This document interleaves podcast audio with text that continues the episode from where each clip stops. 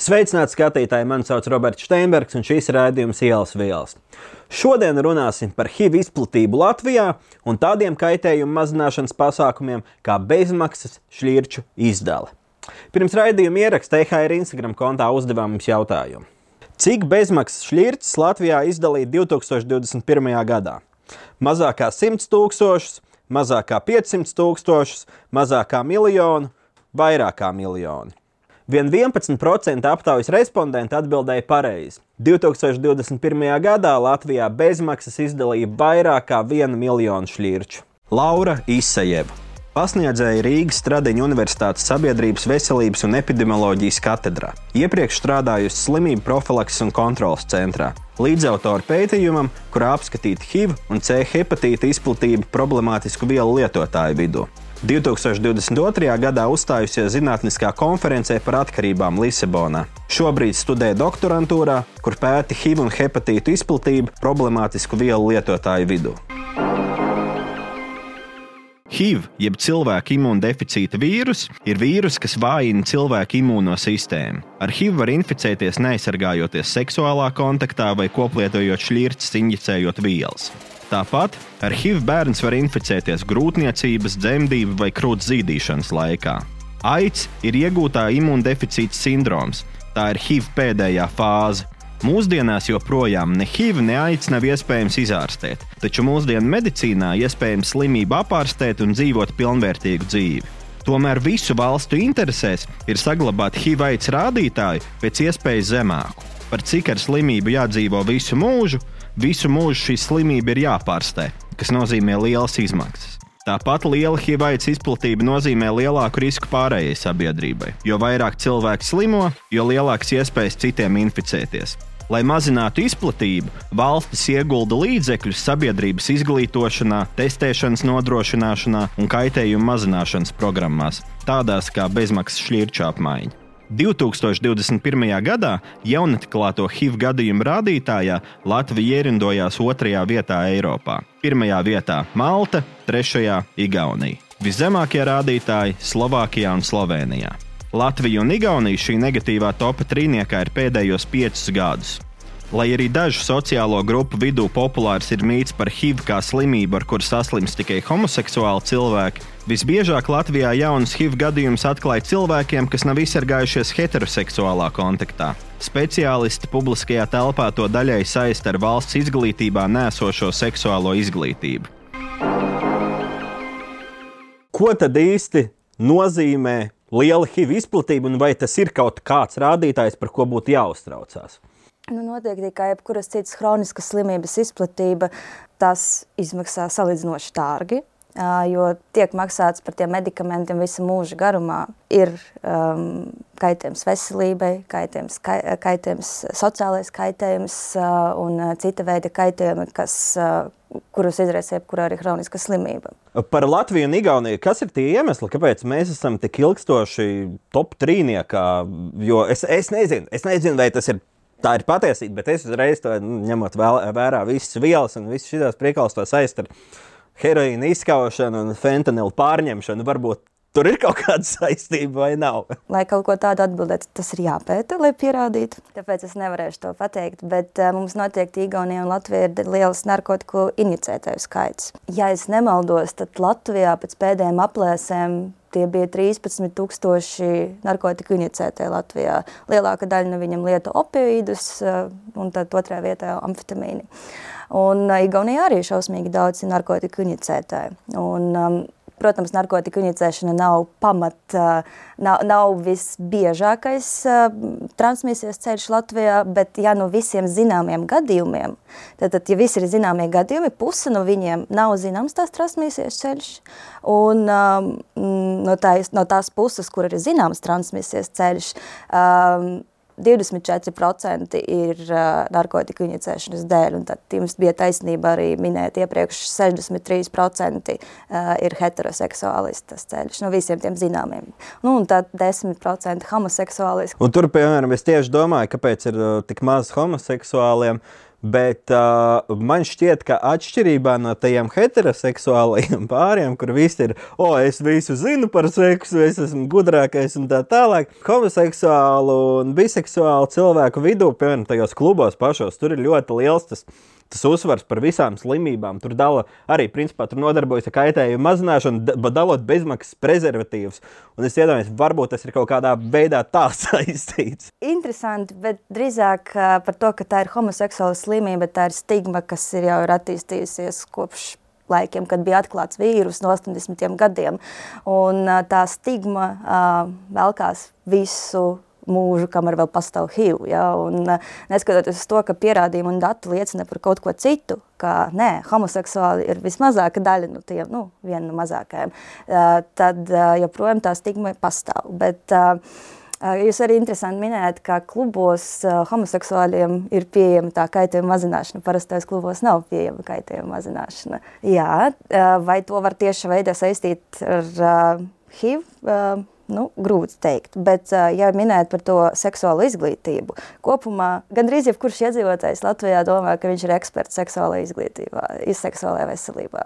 Un līdz ar to, kad vecākiem ir jāizlēm, vai bērns saņems kaut kādu informāciju par to seksuālo izglītību skolā, jo tā, tāda, jo vecākiem arī pajautā, vai viņi to grib. Uh, un, uh, ja vecāks domā, ka viņš visu zina, vai negrib, lai bērnam par to stāst, tiktu stāstīts, tad viņš arī negrib. Nu, tad, tad tas nenotiek. Un, protams, arī kopumā kā stigma skolā runāt par šo tēmu varbūt negribētos ar tik jauniem uh, pusauģiem, bet arī PVO organizācija. Visi pierādījumi liecina par to, ka uh, par seksuālu izglītību ir jāsāk runāt jau bērnu dārzā īstenībā.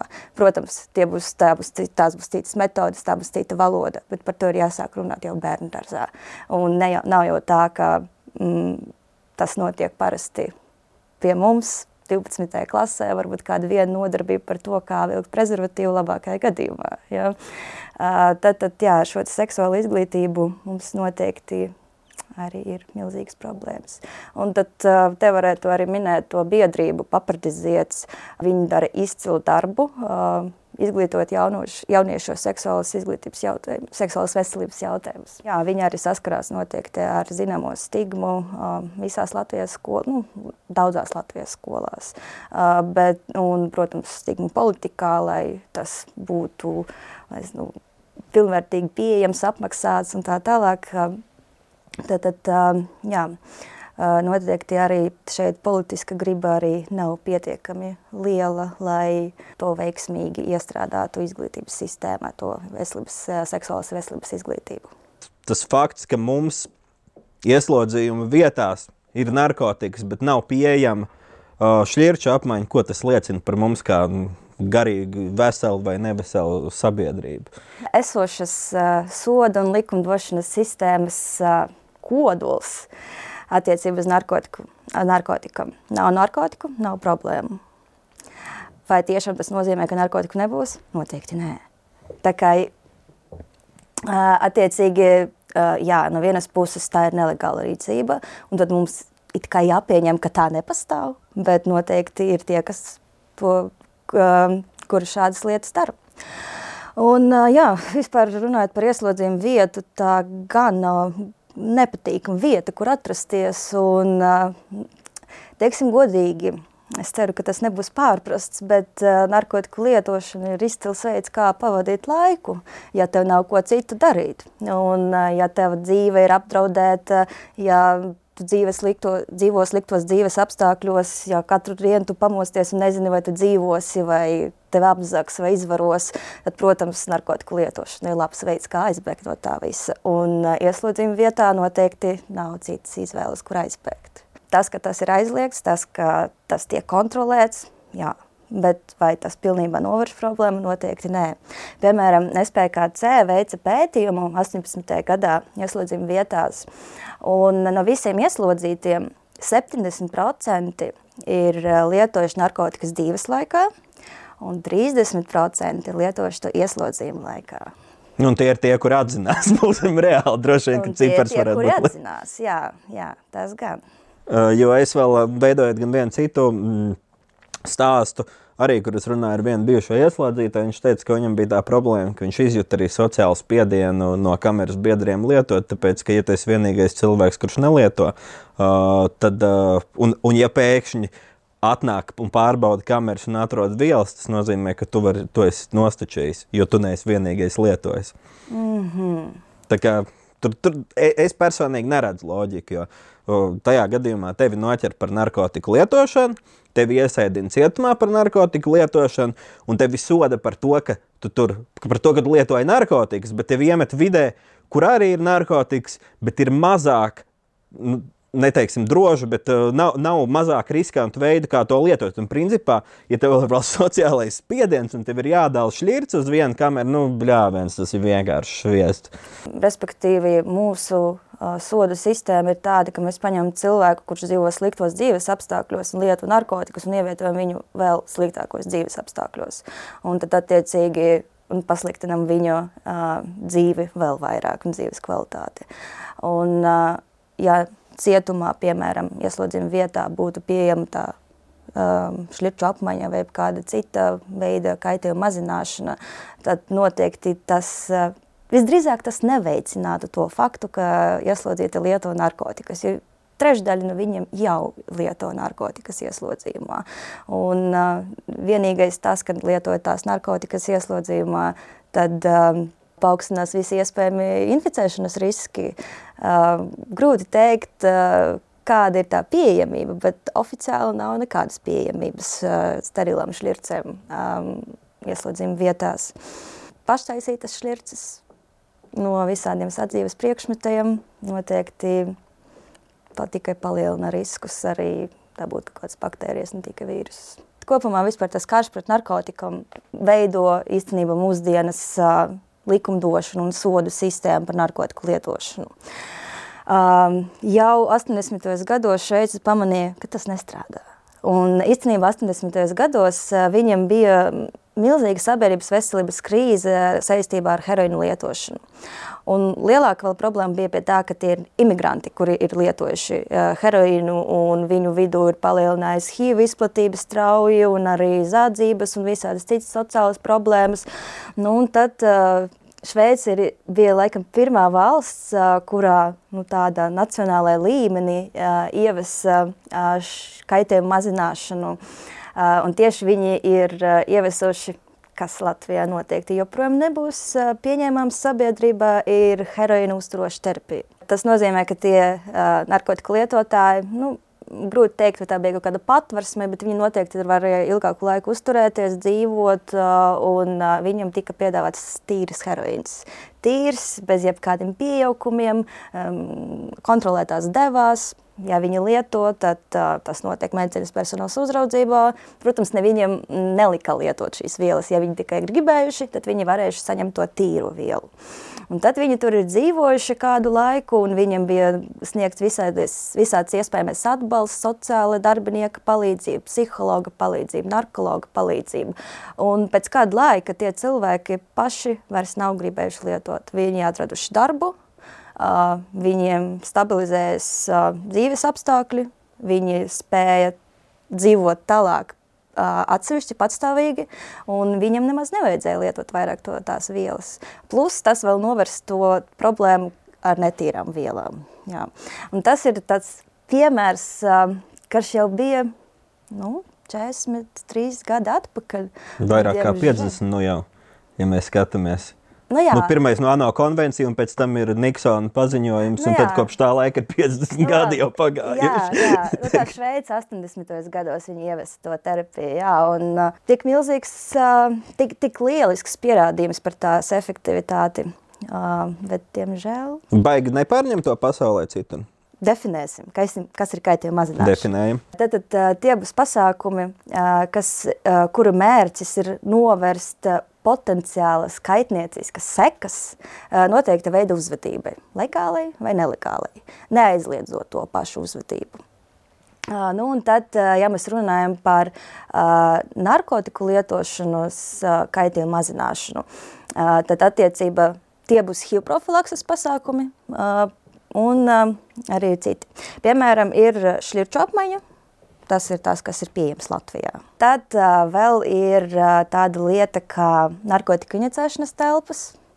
Latvijā tāda nav istabas, kur cilvēki var atnākt sterilā vidē, lietot, injicēt uh, vielas medicīnas personāla uzraudzībā. Uh, ir arī dažas valstis, kas piedāvā arī pārbaudīt narkotikas uz to, uz to tīrību. Anonīma testēšana. Anonīma testēšana, jā. Un, uh, nav tā, ka pilnīgi visās injicēšanas telpās tāda opcija ir. Bet, ah, tas ir iekšā telpās, nevis kā atsevišķi. Okay, tas, tas ir sakomplekts. No, tas drug checking, vispār tā narkotiku testēšana, nu, tas nav sarežģīti. Tas ir izbraukuma pasākums, respektīvi. Jā, un tad, to to, to var izdarīt jebkurā vietā. Un tad uh, ir narkotiku inicēšanas telpas, ja es nemaldos, tā ir Nīderlanda, bet varbūt tas ir kļūdos, jā, bet, uh, kur ir iespējams uzreiz pārbaudīt uh, to, to vielu uh, turpat uh, un uh, jā, izlemt lietot vai nelietot. Bet, um, Noteikti uh, tur arī ir pieejams uh, atbalsts, psihologa atbalsts, sociāldarbinieku atbalsts, medicīnas personāls. Tad, ja gadījumā arī cilvēks pārdozējas, viņam uzreiz tiek sniegta medicīniskā palīdzība,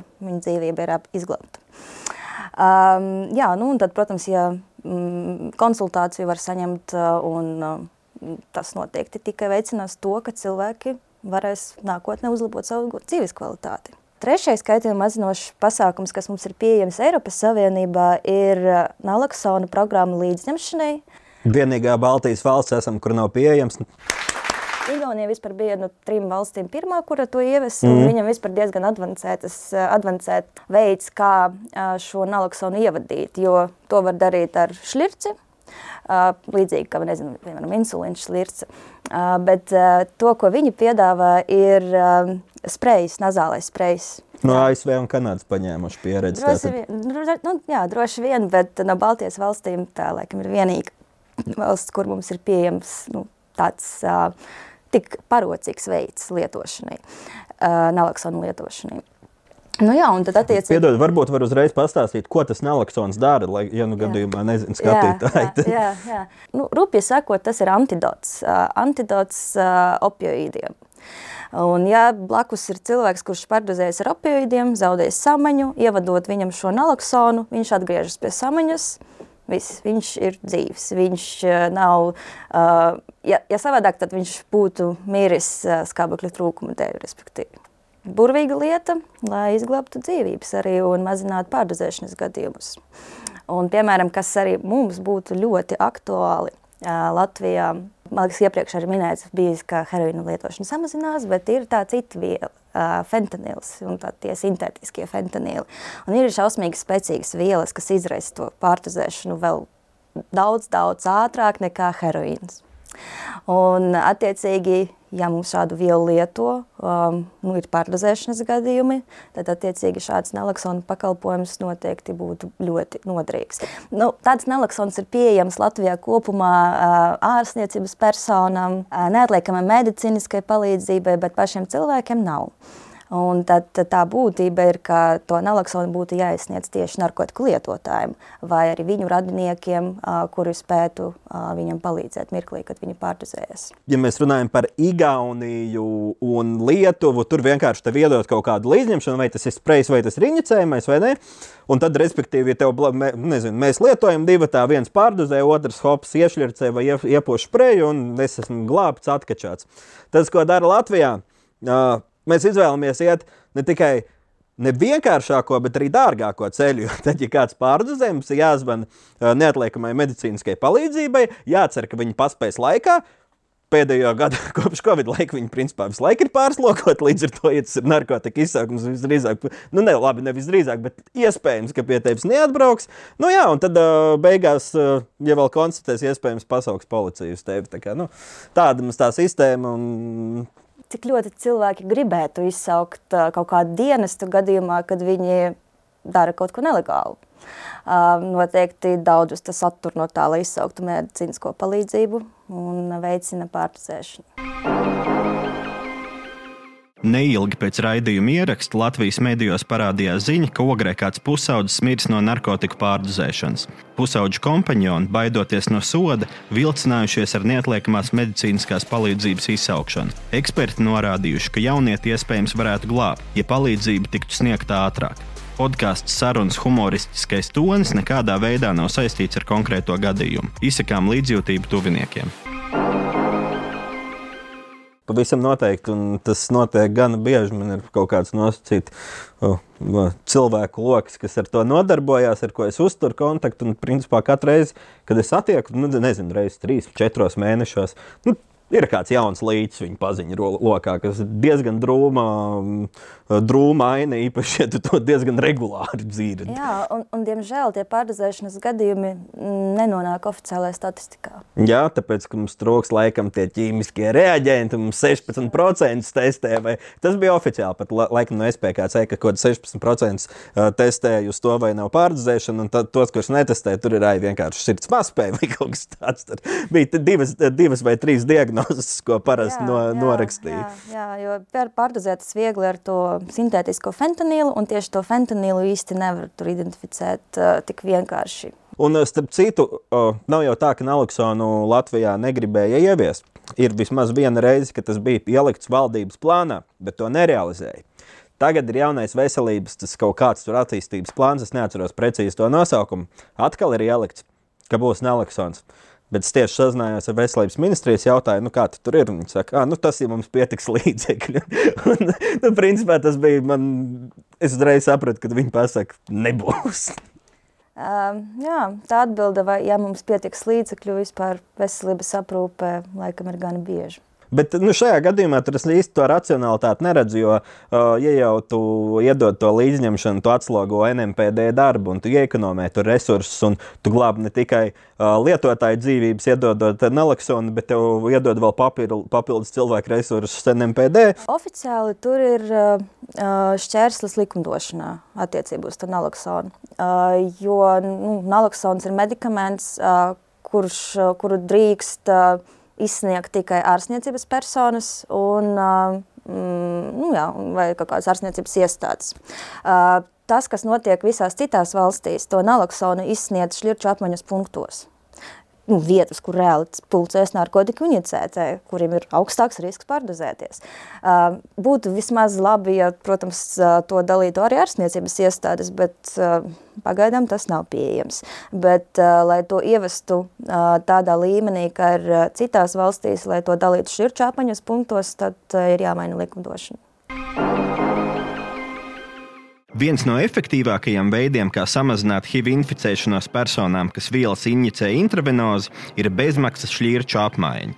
Latvijā šāds kaitējuma mazināšanas pasākums ir pieejams, un šādu pakalpojumu var saņemt tā saucamajos HIV profilakses punktos, kur iespējams anonīmi un bez maksas veikt testus, lai pārbaudītu, vai neesi saslims ar HIV, sifilisu, B vai C hepatītu. Tāpat šādos centros pieejams anonīmi un bezmaksas apmainīt šķirces, dabūt prezervatīvus, izglītības materiālus un speciālistu konsultācijas. Vairākos HIV pētījumos uzsvērts, ka anonīma un bezmaksas šķirču pieejamība var samazināt HIV izplatību vielu lietotāju vidū pat par 80%. SPKC mājaslapā esošā informācija liecina, ka Latvijā pieejami 19 HIV profilakses punkti, 6 no tiem Rīgā. Pēdējo gadu laikā izdalīto šķirču skaits pakāpeniski aug, kas nozīmē, ka arvien vairāk cilvēku uzzina par šādu pakalpojumu un nebaidās to izmantot. Tomēr arī šajā rādītājā ir kur piestrādāt. Apmainīt šķirtas var būt problemātiskāk Latvijas reģionos, bet Ziemeļvidzemē un Latvijas ziemeļaustrumos šķirču apmaiņa nav pieejama vispār. Tāpat, atšķirībā no vairākām Eiropas valstīm, šķirču apmaiņa nav pieejama Latvijas cietumos. Tas palielina inficēšanās risku cilvēkiem, kas atrodas ieslodzījuma vietās. 2021. gadā Latvijā tika izdalīts vairāk nekā 1,1 miljonu šķirtas. No tām teju 996 tūkstošus izdalīja biedrība dialogs, bet nepilnīgi 166 tūkstošus izdalīja pārējie HIV profilakses punkti. Kādā veidā, ja mums ir 19 punkti, kāpēc viena ir sa, sa, nu, 18 punkti, ir savākuši 160, izdalījuši 160 tūkstoši, bet viens dialogs ir uh, izdarījis tevi miljonu? Kā, es nesaprotu, kā tas ir iespējams. Uh, viens no tiem ir tas, ka dialogam ir pieejama tāda lieta kā mobila vienība, uh, busiņš, kas uh, braukā pa mikrorajoniem un arī papildus sniedz šos pakalpojumus dalas šķirces. Otra lieta ir tas, ka HIV profilakses punkts nav vienā zīme ar šļirču apmaiņas punktu. HIV profilakses punktā ir sniegti dažādi pakalpojumi. Pirmkārt, ir iespēja veikt ekspresa testu uz HIV, C, hepatītu, B, hepatītu, sifilisu. Uh, tad uh, tur varētu būt pieejams arī sociālais darbinieks, tur varētu būt pieejams psihologs, tur varētu būt uh, pieejams jebkurš konsultants, arī mentors, kas palīdz cilvēkiem, kuri tikko ir uzzinājuši, ka viņiem ir HIV diagnoze, piemēram. Šļirču apmaiņa. Es baidos precīzi pateikt, kuros no šiem punktiem ir šķirču apmaiņa, bet Rīgā tas ir dialogs un uh, sarkanais krusts. Ja es nemaldos, citos HIV profilakses punktos tāda šķirču apmaiņa nemaz nav pieejama. Jebkurā gadījumā šī statistika ir pietiekami saudabīga, un, ja runā par dialogu, viņiem ir palikuši tikai mobilā brigāde. Viņiem oficiāli ir telpas, bet viņiem vairs nav tās telpas sateklas ielā pie stācijas, kas bija, kur viņiem bija tiešām ļoti labs, laba lokācija. Īpašnieks palūdza Viņus pamest telpas dēļ, klientūras, un tālāk viņi tika pārvirzīti uz ziedoņdārzu. Un, cik es zinu, tur viss ir ļoti neefektīvi. Tur cilvēku uz vietas nenāk, jo tas ir pilnīgi cits rajons. Tas nav tik parocīgi, un tāpēc viņi ir pārstruktūrējuši savu darbu pārsvarā uz uh, mobilajām brigādēm tieši, un tas ir tā, kā viņi sasniedz tos cilvēkus. Bet, jebkurā gadījumā, es nesaprotu, kā mums var būt tik daudz Nu, mums principā to dara tikai viena biedrība. Kāpēc tām pārējām ir dotas it kā funkcijas uh, dalīt šķirces, vai nu viņi neko nedara, vai nu viņiem neviens neusticās? Tas uzticības jautājums šeit spēlē ļoti lielu lomu. Dialogam ir liela atpazīstamība narkotiku lietotāju vidū, un uh, visi, kuri ir izmantojuši dialogu pakalpojumus, uh, nav vīlušies par to. Uh, un, um, jā, noteikti arī tā informācijas aprite starp uh, narkotiku lietotājiem par to, kur var apmainīt šķirces, ir uh, notiek tikai no mutes mutē īstenībā. Ja viens ir izmantojis dialoga pakalpojumus, tad viņš arī ieteiks dialoga pakalpojumus visticamāk. Uh, bet jā, tā informācijas aprite narkotiku lietotāju vidū, tas tā notiek tikai savstarpējas sarunas ietveros lielākoties. Un tā informācija, kas ir pieejamas mājaslapās, jā, to var atrast, bet eh, vai tiešām viņi tur ieskatās. Un līdz ar to tas komunikācijas veids ar narkotiku lietotājiem īstenībā laikam būtu jāpārdomā. Ko noteica PVO, ka 30. gadā visam valstīm ir jādala vismaz 300 šķirces uz vienu narkotiku inicētāju. Pagaidām Latvijā mēs esam pie 100 šķircēm uz vienu narkotiku inicētāju. 20. gada mērķis bija 200 šķirces. Nu, nevar teikt, ka citas valstis ir sasniegušas šo mērķi. Nē, mm, tikai dažas no tām. Bet, um, Latvijā ir viens no zemākajiem rādītājiem pēc tā sterila šķirču skaita uz vienu narkotiku inicētāju. Tāpēc, ka mums ir augsts salīdzinoši lietotāju skaits. Ja? Inicētāju skaits, jā, un um, nu, ņemot vērā to, ka kaitējuma mazināšana tomēr ir salīdzinoši ierobežota. Ir tikai šķirču apmaiņa, un uh, citu pakalpojumu varbūt nav. Reģionos kur es skatījos, nu, tajā ziemeļvidzemē un ziemeļaustrumos Latvijas, nu, tur ir vispār neviena, un es pat nerunāju par tieši šķirču apmaiņu, bet par HIV profilakses punktiem kā tādiem. Tur ir tāds caurums, kur pilnīgi nevien, nekā nav. Tas ir ap, apzināti taisīts. Man liekas, lai um, atvērtu šķirču apmaiņas punktu, tur jābūt noteiktiem kritērijiem uh, kaut kādā noteikta reģionā vai rajonā. Uh, jābūt pieprasījumam. Un, uh, visticamāk, oficiāli nav informācijas par to, lai tur būtu pieprasījums. Bet uh, vai viņi tur būtu vajadzīgi? Noteikti jā. Noteikti. Vai, tajā, vai tas nozīmē, ka cilvēki, kuri dzīvo tajos reģionos, nevar apmainīt šķirces vai bezmaksas saņemt arī šķirces? Jā, noteikti. Un nav tā, ka šajos reģionos nedzīvo neviens cilvēks, kurš nelieto narkotikas. Nu, par to ir stāsts, un tur ir pietiekami daudz tās apdzīvotās vietas. Tur Balmīra, mm, Cēsis, Limbaģi, Ainaži, Alūksne, man liekas, arī Madona. Un, nu, nu, nu nav noteikti tā, ka tur ir kaut kāda nelietošanas zona. Tur vienkārši ir jāiet uz aptieku pēc tam lietām. Var iedomāties mazpilsētā. Tu esi aizgājis aptiekā, nopirkt desmit šļirces. Uh, par to runās noteikti vakarā jau viss vis, vis, vis ciemats runās par to. Jā. Un, uh, nu, tā ir tā stigmatizācija. Un nav jau tā, ka arī uh, narkotiku lietotāji ļoti labprāt dotos uh, uz uh, aptiekām iegādāties šļirces. Un nav arī tā, ka uh, viņam ļoti labprāt pārdotu tās šļirces. Un man ir stāsts tieši no mazpilsētas par, par šķirču pirkšanu, kur bija gadījums, ka farmaceiti atteicās pārdot šķirtas, nu, kas ir pilnīgi absurda lieta. Ok, es saprotu, viņi ir dzīv, dzimusi, dzīvojusi PSRS, bet ja viņi domā, ka viņi nepārdodot šķirtas, viņi atturēs cilvēku no lietošanas. Nu, arī tur nav līdz galam pārdomāts tas viss domu gājiens. Vēl kas mēs būtu ar tām šķirtēm, ka mm, dažādi tilpumi ir. Un, ja arī cilvēks neprecizē, kuru tilpumu viņam nepieciešams, viņam visticamāk pārdos kaut kādu lielāku, kas maksā dārgāk. Vai, jā, un jebkurā gadījumā aptiekas darbinieki, ja farmaceiti viņi negribētu, lai um, aptiekās uh, būtu daudz narkotiku lietotāju. It īpaši, ja viņi uh, spēja atpazīt vizuāli, ka tie ir narkotiku lietotāji, tad viņi mēdz arī atteikt, lai neveicinātu uh, to klientu pieplūdumu tieši tajā noteiktajā vietā. Bet ir teorētiski tas nu, noteikti nenāktu pa sliktu, ja mēs atvērtu uh, Uh, nezinu, līdzīgi kā ir kaut kāda uzstādījuma, ka tur 100 km radiusā no novada centra ir jābūt izglītības iestādēji vai kaut kam līdzīgam, tur nu, aptiekai un tā tālāk. Droši vien, ka nebūtu slikti, ja mēs uzliktu arī kaut kādu to rādītāju, ka būtu jāpieejama, jābūt pieejamam no bezmaksas šķircēm vai šķircu, šķirču apmaiņai vai, vai kaut kam tādam. Nu, noteikti par to būtu jājautā mm, iedzīvotājiem tajā apkārtnē, un vai iedzīvotāji gribēs, lai tur būtu šķirču apmaiņas punkts, vai, vai arī iedzīvotāji to atbalstīs, jo noteikti tas, šie šķirču apmaiņas punkti ir saistīti ar milzīgu stigmu, ka šādu punktu ieviešot, ka it kā tur pulcēsies visi narkotiku lietotāji un tagad uh, lietošana palielināsies. Nē, tas ir pilnīgi aplāmi. Nu, šīs pozitīvās nots arī beigsim. Paldies, ka atnāci! Paldies! Paldies, ka skatījāties! Tiekamies pēc divām nedēļām!